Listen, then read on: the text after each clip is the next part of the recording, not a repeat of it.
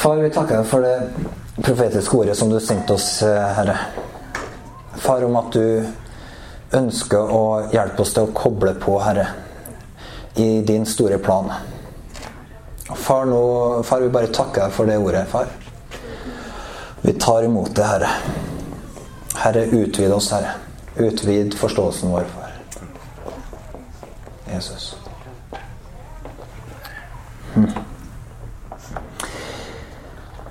Jeg tror det ordet, profetordet som kom nå, er veldig viktig i forhold til um, det som jeg skal dele.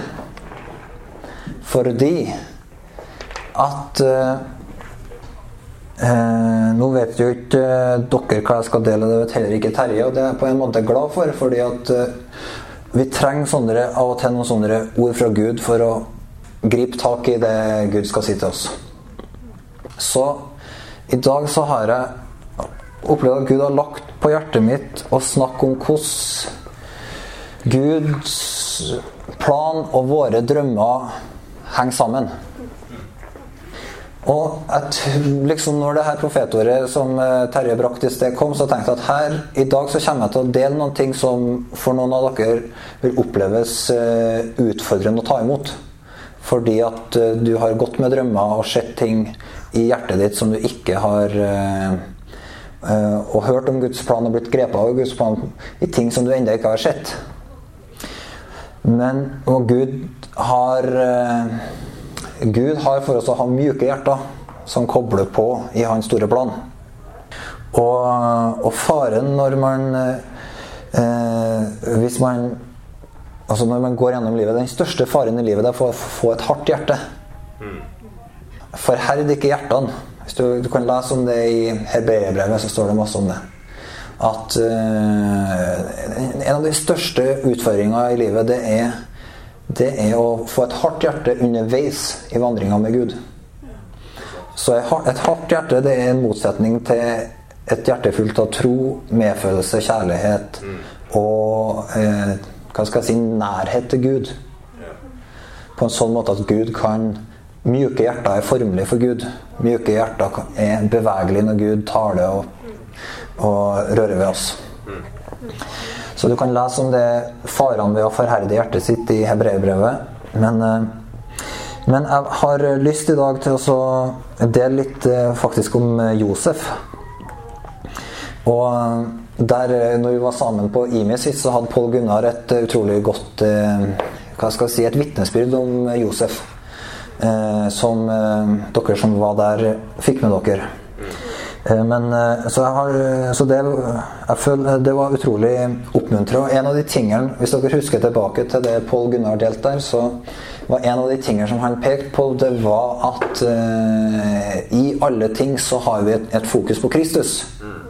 På Jesus. Han er det altoverskyggende. Så jeg har lyst at vi skal begynne å lese i Første Mosebok kapittel 37. Og der skal vi lese i vers 5 til 11. Bare, nå er jeg litt sånn springende, men bare for å fullføre resonnementet med de harde hjertene Grunnen til at jeg kobla det sammen med profetåret fra Terje, det var bare det at, at uh, ordet var veldig klart. Uh, Gud ønsker å utvide hjertene våre. Så, og til å favne mer av hans store planer. Sånn at uh, når du hører de tingene som jeg deler i dag, så hør ta imot av det profetordet, og så hør på en sånn måte at hjertet blir utvida og tar imot. Og Åpner seg for Gud. Så det var bare, bare så den koblinga var ført helt ut. Jeg var litt usikker på om den Dere er jo veldig oppvakte folk, så dere kobla sikkert det sammen, men det var resonnementet. Første Mosebok 37,5. En gang hadde Josef en drøm. Han fortalte den til brødrene sine. Da hatet de han enda mer. Han sa til dem, hør hva jeg har drømt. Se, vi var ute på åkeren og bandt kornbånd. Kornbåndet mitt reiste seg og ble stående, mens kornbåndene deres samlet seg omkring mitt og bøyde seg for det. Da sa brødrene til han, skal du være konge over oss, skal du herske over oss? Så hatet de han enda mer for drømmene hans, og for det han sa. Josef hadde enda en drøm og fortalte den til brødrene sine. Nå har jeg hatt enda en drøm, sa han. Se, solen og månen og elleve stjerner bøyde seg for meg. Da han fortalte drømmen til faren og brødrene, irettesatte faren han og sa hva slags drøm er det du har hatt? Skulle jeg og din mor og dine brødre virkelig komme og bøye oss til jorden for deg? Brødrene ble misunnelige på han, men faren merket seg det han hadde sagt. Så her eh, det her er jo historien om når Josef begynner å drømme drømmer fra Gud. Og ofte når jeg har lest eh, Eller ofte når denne historien fortelles, så er fokuset på Josef og at han hadde en drøm, og den kampen han hadde før den drømmen gikk i, ble hva skal jeg si, virkeliggjort. Men det som eh, ofte kommer i bakgrunnen, det er koblinga mellom drømmen til Josef og den store frelsesplanen som Gud hadde. Fordi at eh, Josef hadde en drøm som på en måte Når vi leser den, så kan det virke som om denne drømmen kretser rundt han sjøl. Det, er to drømmer der han sjøl er i sentrum for begivenhetene. Og hvor eh, da eh, Hva skal jeg si eh, Til og med de andre som er med i drømmen, de er mer med på hans opplegg. Så det første som kan, Hvis man rent sånn menneskelig tenker på denne drømmen til Josef, så kan man tenke at Josef han går rundt og har drømmer for sitt eget liv. Han, er, han var en av de yngste. Og han drømte om å bli den største. Han hadde masse storebrødre og måtte slå seg fram, men han hadde drømmer om natta om at han skulle være sentrum for begivenhetene, at de skulle bøye seg for han. Eh, så man kan tenke at Josef sin ambisjon var i, i denne retningen. og Historien sier jo ingenting om det, men eh, det kan jo virke som om at han hadde et eller annet som vekka noe hos dem rundt seg av litt sånn eh, behov for å jekke ned. Det gjorde de jo betraktelig, da.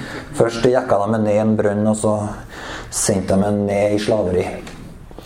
Eh, men det som er er tilfellet, er at når vi leser denne store historien om eh, livet til Josef, og det som skjedde når han da, som han sjøl oppsummerer det til brødrene sine, når drømmen går i oppfyllelse, når de sjøl kommer framfor han og bøyer kne for han, Uh, og han eh, senere historien da ned, er ned i Egypt, er en, en leder i Egypt, og de kommer ned brødrene for å be om korn og bøyer kne for han. Og så avslører han hvem han er. Jeg er Josef, jeg er broren deres. Og så sier han i den sammenhengen så sier han det var Gud som sendte meg foran dere. Ikke vær lei dere. Det var Gud som sendte meg foran dere. Dere ville det til det onde, men Gud snudde til det beste. Eller Gud ville det til det gode. Så, så han, eh, han, han summerer og sier alt det som har skjedd, det har vært i Guds plan. Guds store plan. Men det som er enda med altså det her, I første omgang så kan det se ut som om livet til Josef handler om å berge familien fra hungersnød. Ikke bare familien, men han er jo involvert med å berge hele det her egyptiske imperiet og utkantstatene fra hungersnøden. nå. For han går jo inn der det er sju år med uh, katastrofe. Så, nei, med sju gode år, og så kommer det sju år med katastrofe. Og jeg har vært på steder der det har vært tre år med katastrofe. I, tilbake i, på slutten av 90-tallet så var jeg i Nord-Afrika, og der hadde det vært tørkekatastrofe i flere år når vi og familien kom dit og bodde der et og et halvt år. Det hadde ikke vært sju år, det hadde vært sånn tre år, og det var helt utradert. Så du kan tenke deg sju år. Men uh, Gud brukte Josef til å forberede de her sju årene. Og han brakte en sånn frelse for denne tida, for egentlig den, ja, den daværende verden, på en måte. Det var et omfattende arbeid Gud satte ham til å lede. Men enda mer grunnleggende når du leser historien om Josef, så merker du at det kallet som Gud hadde for ham, det var kobla til at han skulle være med å bringe frelse til et folk som skulle være med å bringe fram en frelser for hele verden. Ja. Så Josef sin drøm, den gikk inn i Guds store plan. Guds store frelsesplan som helt fra begynnelsen av har dreid seg om Kristus. Av Han, ved Han, til Han er alle ting. Amen. Så Gud har skapt denne verden for Kristus, og han har skapt den til hans ære. Og han jobba i generasjoner med å bringe fram sin elskede Messias. Og så Frelserkongen og Josef, da, når du leser f.eks. Hebreerbrevet 11, så ser du at han plasseres inn i rekka av troshelter som var med og kjempa i tro for at denne kongen i Guds rike skulle komme inn i verden. Ja. Så Josef sine personlige drømmer, som på en måte da kretsa sånn rundt han sjøl, de var dypest sett en del av Guds store plan for Kristus. Og, det, og sånn eh, er det med alt av, eh, av drømmer Gud gir. Vi kan oppleve at Gud gir oss drømmer for vårt eget liv, eh, for den delen av verden hvor vi er. Men dypest sett så handler alle de her drømmene om å bringe verden til et bedre sted, eller å bringe Kristus ut alt, eller å realisere noe det Gud har lagt ned i hjertet vårt. Bruk de gavene Gud har gitt oss. Alt det her handler dypest sett om Kristus. Amen. Yes. Og det er òg egentlig målestokken på alt av drømmer fra Gud. Hvis denne drømmen du bærer i hjertet, er kobla på at du har en større drøm om at Kristus skal bli herliggjort, Kristus skal bli æra, så kan du vite at den drømmen som Gud har gitt deg, sjøl om det er et, hva skal jeg si, et personlig kall, så har det sin plass i et større bilde av Guds plan for sin verden, som handler om Kristus. Så jeg har sånn jeg må si, En av de tingene jeg drømmer om, det er masse folk som har drømmer. Folk som har eh, drømmer for sitt eget liv. Ja. Og som ikke lar bare standarden bli satt ut fra hva de ser rundt seg. Men som, som Sånn som Josef, som bare tar imot en drøm, og så setter navn på den og går for det. Fordi jeg tror genuint at Gud gir drømmer fordi at han har en stor drøm om å fylle verden med Kristus. Og så er det sånn at alle de her store og små drømmene som en del av denne store planen fra Gud, de har fått en kraft å koble på. Skal lese sammen i 1. Peters brev, i kapittel 1. Fordi det er du vet, En ting er at de drømmene Gud gir oss, er kobla på hans Guds plan. Guds drøm om å fylle verden med Kristus. Men en annen ting det er at eh, vi kan snakke om drømmer eh, på en sånn måte at, eh, at drømmer, visjoner, de tingene vi ser, kallet eh, At det her eh, er ting som eh, står og faller på oss. Og vi kan òg av og til tenke at drømmer er for sånne drømmere. Folk som ikke lever i virkeligheten. Ok? Så av og til så blir de satt opp mot hverandre. Han der er en drømmer. En som flykter fra virkeligheten og bare har noen drømmer. Som ikke, ikke er kobla Virkeligheten og drømmene er ikke kobla sammen. Eh, eller han har for store drømmer, eller mange sånne ting som kan bli sagt. Men la oss lese i 1. Peters brev, kapittel 1. Der står det i vers 3-5. Lovet være Gud, vår Herre Jesu Kristi Far. Han som i sin rike miskunn har født oss på ny til et levende håp ved Jesu Kristi oppstandelse fra de døde. Til en arv som aldri forgår, aldri skitnes til og aldri visner. Den er gjemt i himmelen for dere. Dere som i Guds kraft blir bevart ved tro, så dere når fram til frelsen. Den ligger alt ferdig til å bli åpenbart ved tidens ende. Derfor kan vi dere juble av glede. Og så snakker hun videre om prøvelsene som eh, du går igjennom. Men vet du at eh, Når vi snakker om håp, så er det sånn at Gud sier at det håpet som vi har, det er et levende håp. Så når vi snakker om drømmer, når vi snakker om visjon, når vi snakker om håp, så er alt håp jeg og du har, til syvende og sist knytta til Kristus. Han er det levende håpet. Det vil si, håpet vi har, er ikke en sånn en eller annen mann eller dame som har stilt seg fram og sagt 'I have a dream'. Det er ikke håpet vårt. Nei. Men håpet vårt, det er han som døde og sto opp igjen. Ja. Og, han, det, og håpet vårt det som jeg synes er Noe av det mest fantastiske å tenke på, det er at håpet vårt er ikke knytta til noe som kanskje skal skje. Nei. Men håpet vårt er knytta til noe som allerede har skjedd. Yes. Det er kjempestor forskjell. Ja. Når jeg leser om trosheltene som jeg leser om i Bibelen, så tenker jeg at de var rå. Hæ? Tenk på det. De levde på et håp som de ikke hadde sett oppfylt. Tenk på Moses. Han La meg bare lese om han et vers om han. Holder på å lese om Moses, skjønner du, i fjerde Mosebok for tida. Vil du bli utfordra, så les om Moses. Hør her.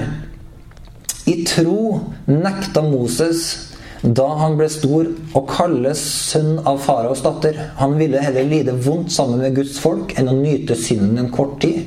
Han holdt Kristi vanære for en større rikdom enn skattene i Egypt, for han så fram til lønnen. I tro forlot han Egypt uten å frykte kongens vrede. Han holdt ut, for det var som om han så den usynlige. Kult. Tenk på det. Moses, han, han levde før Kristus. Han hadde bare et profetisk håp om at en dag skulle det komme en Kristus, en frelser. Men han, han oppga hele livet sitt som en sønn av faraos datter. Eh, kom alt det komfortable. Og tok del i lidelsen til et folk som var et slavefolk som ble jagd ut. Og han fikk av det så fikk han to ganger 40 år i ørkenen. Med trøbbel. That's it. Han fikk noen mirakler på veien og noen stadfestelser på at det her håpet ikke bare var en illusjon. Men sannelig, hvis du summerer opp livet hans Først 40 år sammen med en vrien kone i Midian. Og så 40 år på trasketur med én million vantro, klagende folk. Og hver gang han står innenfor Gud og, gjør, og går noen nye steg med Gud, så kommer folket og sier 'Hvorfor har du tatt oss med fra et land som fløyt med melk og honning, og ut i det her tørre strøket?' Jeg tenker, Og Moses sier til Gud 'Gud, byrden av å bære det her folket er altfor tungt for meg'. Jeg tenker Hvis det er noen som skulle ha lengta tilbake til Egypt, så er det i hvert fall ikke de folkene han hadde med i forhold til hvordan han sjøl hadde i Egypt. Men da snakker du visjon. Ok? Men håpet til Moses hadde enda ikke stått opp fra de døde. Håpet til Moses hadde enda ikke beseira døden. Håpet til Moses var gjemt i himmelen på en sånn måte at det var enda ikke blitt ordet som var blitt kjøtt og blod. Men vi, folkens, lever ved Han som er det levende håpet. Han som har stått opp fra de døde, som har beseira døden, som har satt seg ved Faderens høyre hånd, som har rent ut sin Hellige Ånd. Yes. Halleluja. Vi lever ved det levende håpet som, som vi kan ta på, føle på, erfar. Ja. Det er ikke noe som vi bare drømmer om, men vi har erfart den kraft som reiste Kristus fra de døde, er nå virksom hos oss som tror. Amen. Så alle drømmer fra Gud som liksom passer inn i denne store planen fra Gud om å føye verden sammen i Kristus, alle de her drømmene, de har sin energi, sin kraft, sin virkeliggjøring ikke basert på et håp som kan skje, men det er basert på et håp som har skjedd. Krafta som fresa Jesus opp fra døden, Yes. Den buldrer i oss som tror. Ja. Amen. Og, og den krafta gjør at drømmene våre blir til bønner som forløser Guds liv, Guds rike, Guds vilje i verden. Den krafta gjør at drømmene våre blir til sånne kilder av å drikke av Den hellige ånd, sånn at vi får forandra liv. Sånn at vi blir en kilde som andre kan bli forfriska av. Denne krafta eh, i oppstandelsen gjør at eh, vi kan få være med å stå i forsoningens tjeneste og bringe ut evangeliet. Og se at evangeliet det er faktisk sånn som Evangeliet det er som et sånt frø som du legger i jorda. Og, og, og det er et sånt frø som må vokse. Evangeliet det er et såkorn som akkurat sånn som et vanlig frø som vokser opp og blir til et stort tre og begynner å bære frukt. Sånn er evangeliet. Gud har betrodd oss et evangelium som, som hva skal jeg si, lever i egen kraft. Det hviler ikke på mennesker, men det er et Guds ord som er virksomt. Og, og Så alle våre store og små drømmer er kobla til, til Han som er stått opp fra det døde. Det forankra det her evangeliet som Gud har gitt oss, som er virksomt og kraftfullt. Og som Den hellige ånd for ca. 2000 år siden ble rent ut over jorda for å med kraft vitne over. Takk Gud. Ok? Så, så Gud, han, han har øst ut sine ressurser i Kristus Jesus på en sånn måte at vi lever i tida hvor drømmer blir virkelighet i en helt ny skala. Fordi at vi, drømmer blir virkelighet i, i Guds kraft. Og denne krafta er som sagt rent ut på en måte som eh, sånne som Moses, sånne som Josef bare kunne drømme om. Bare håpa på og lengta etter, visst var lova i Kristus. Og vi har blitt kobla på denne Takk gaven fra Gud som er Kristus oppstått og ånden utrent. Så han har født oss på ny til et levende håp ved Jesu Kristi oppstandelse fra de døde. Så skal vi se litt Vi, vi må ikke gi oss med Josef. Vi skal bla litt videre og ta med oss et, eh, et par tekstavsnitt til her. I kapittel 39 så står det Josef ble ført ned til Egypt. Potifar, en egypter som var hoffmann hos farao og sjef for livvakten, kjøpte han av ismaelittene som hadde tatt han med dit. Herren var med Josef og lot han lykkes. Han ble boende i huset til sin egyptiske herre. Herren, Han så at Herren var med han og lot han lykkes i alt han gjorde. Josef vant velvilje hos herren sin og ble hans tjener.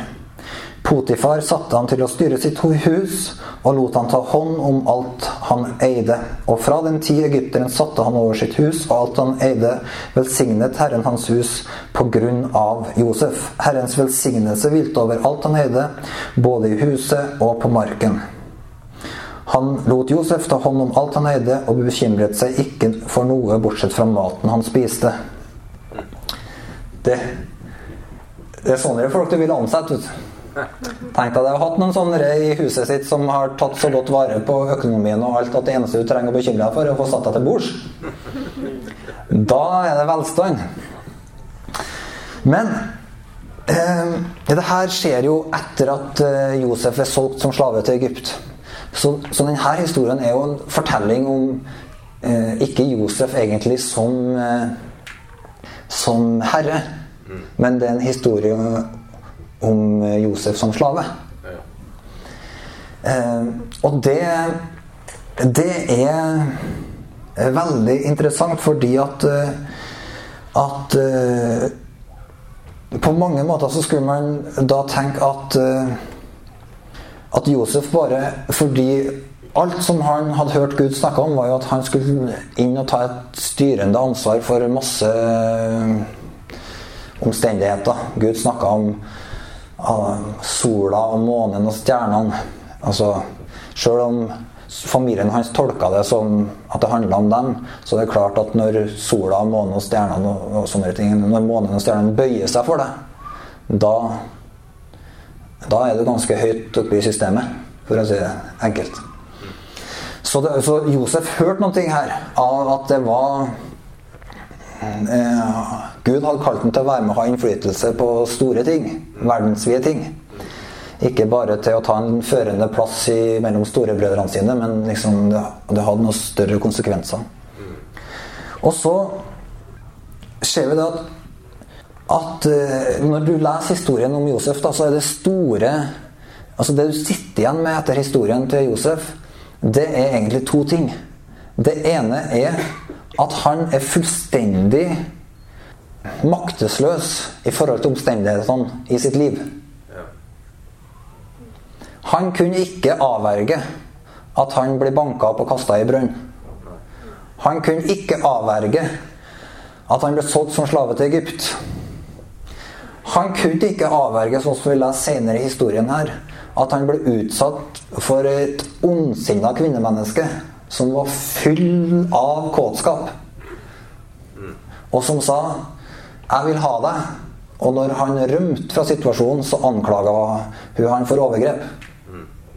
Han gjorde alt som sto i hans makt for å holde stien sin rein. Og han ble Fra å være slave så ble en, en slave som var en dømt forbryter. Urettferdig dømt. Ingen av disse omstendighetene hadde Josef makt over. Det eneste han hadde makt over, det var å leve helhjerta og trofast og tjene Gud i alle omstendigheter. Og det gjør han helt og fullt. Så når du leser videre om at etter han er dømt, så kommer han i fengselet, og der gjør han ting på en sånn måte Altså Han satt ikke i cella si og klaga over at han var urettferdig dømt. Han bare tjente Gud. Og, og, her tenker jeg at, at, Gud har kalt oss til ting, men det er de Vi trenger å gripe hjertet som Josef har i disse tingene, i forhold til at omstendighetene kan vi ikke styre. Men responsen vår, det mjuke hjertet, trofastheten, tro og lydighet, det har Gud alltid gitt oss alt vi trenger for å leve i Guds frykt. Yes. I, I Herren så har vi alltid, under alle omstendigheter, alt vi trenger for å leve i Guds frykt. Ja.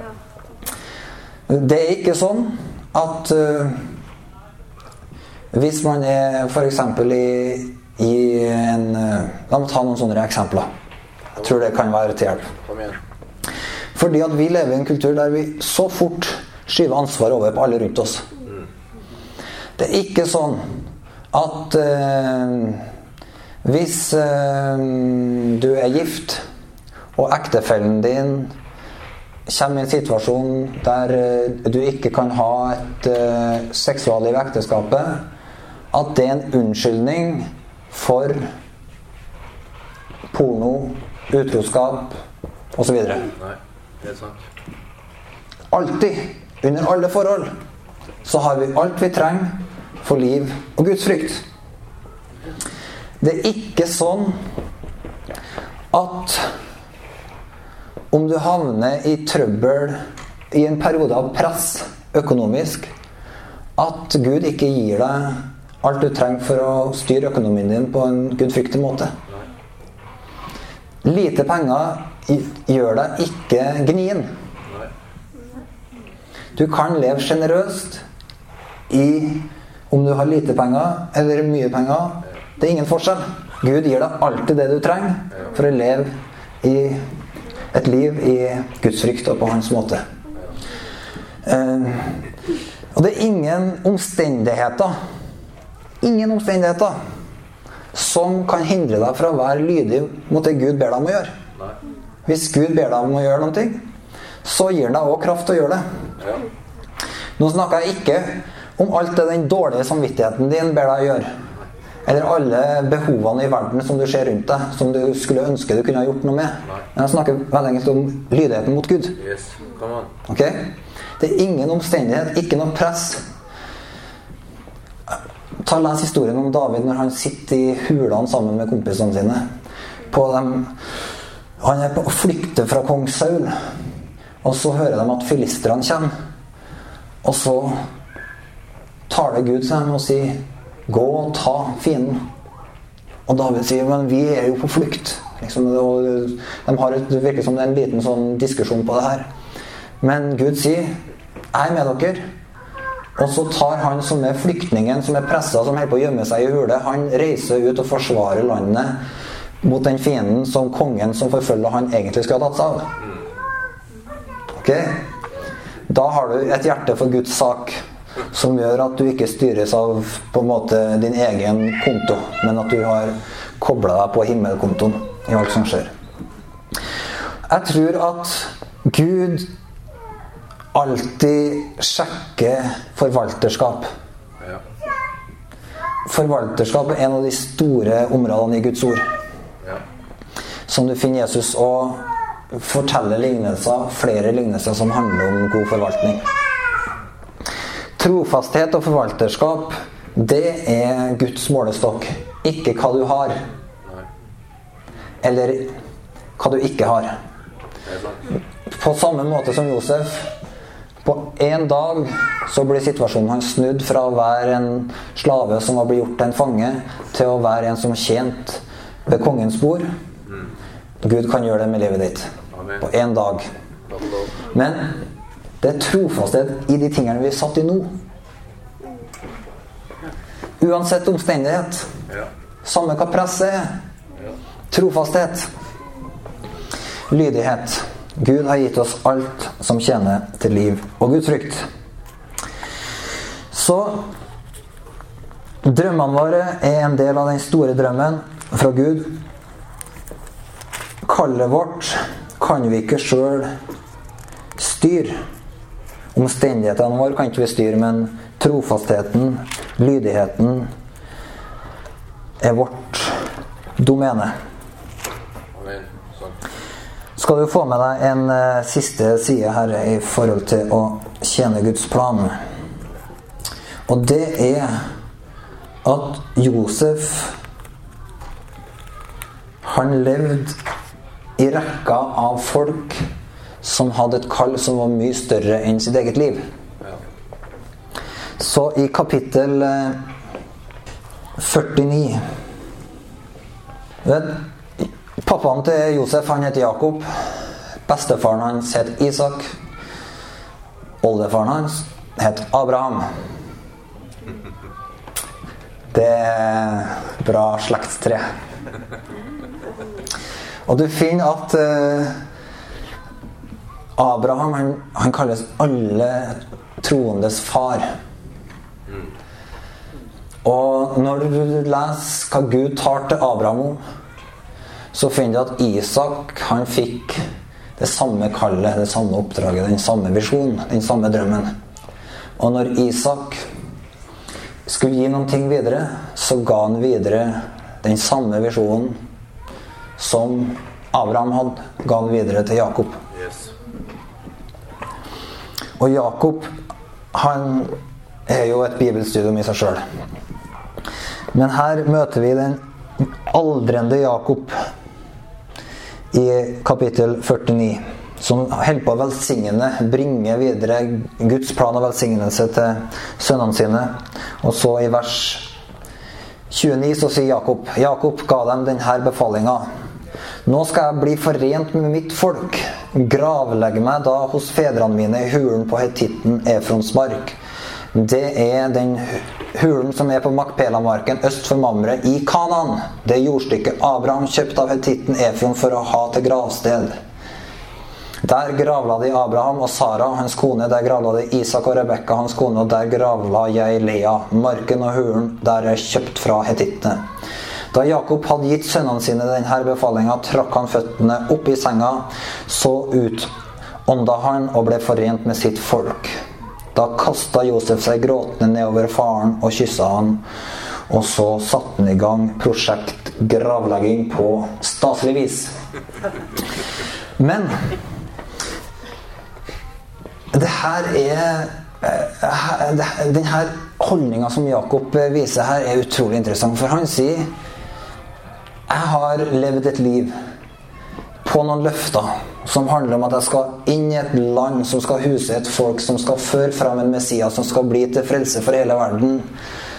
Nå bor jeg i Egypt, men jeg vil at mine bein skal ligge i det landet. Yes. Sånn at grava mi til evig tid kan tale om at livet mitt handla om at det her løftet fra Gud skulle bli oppfylt. Amen. Han hadde en drøm som var mye større enn sitt eget liv. Han sa når jeg har gått til Herren, så fortsetter denne planen fra Gud å folde seg ut. Kristus skal få sin verden. Beina mine skal vitne om at det var det jeg levde for, det var det jeg døde for. Og selv om jeg døde i et land som ikke hadde løftene knytta til seg, så skal jeg se det.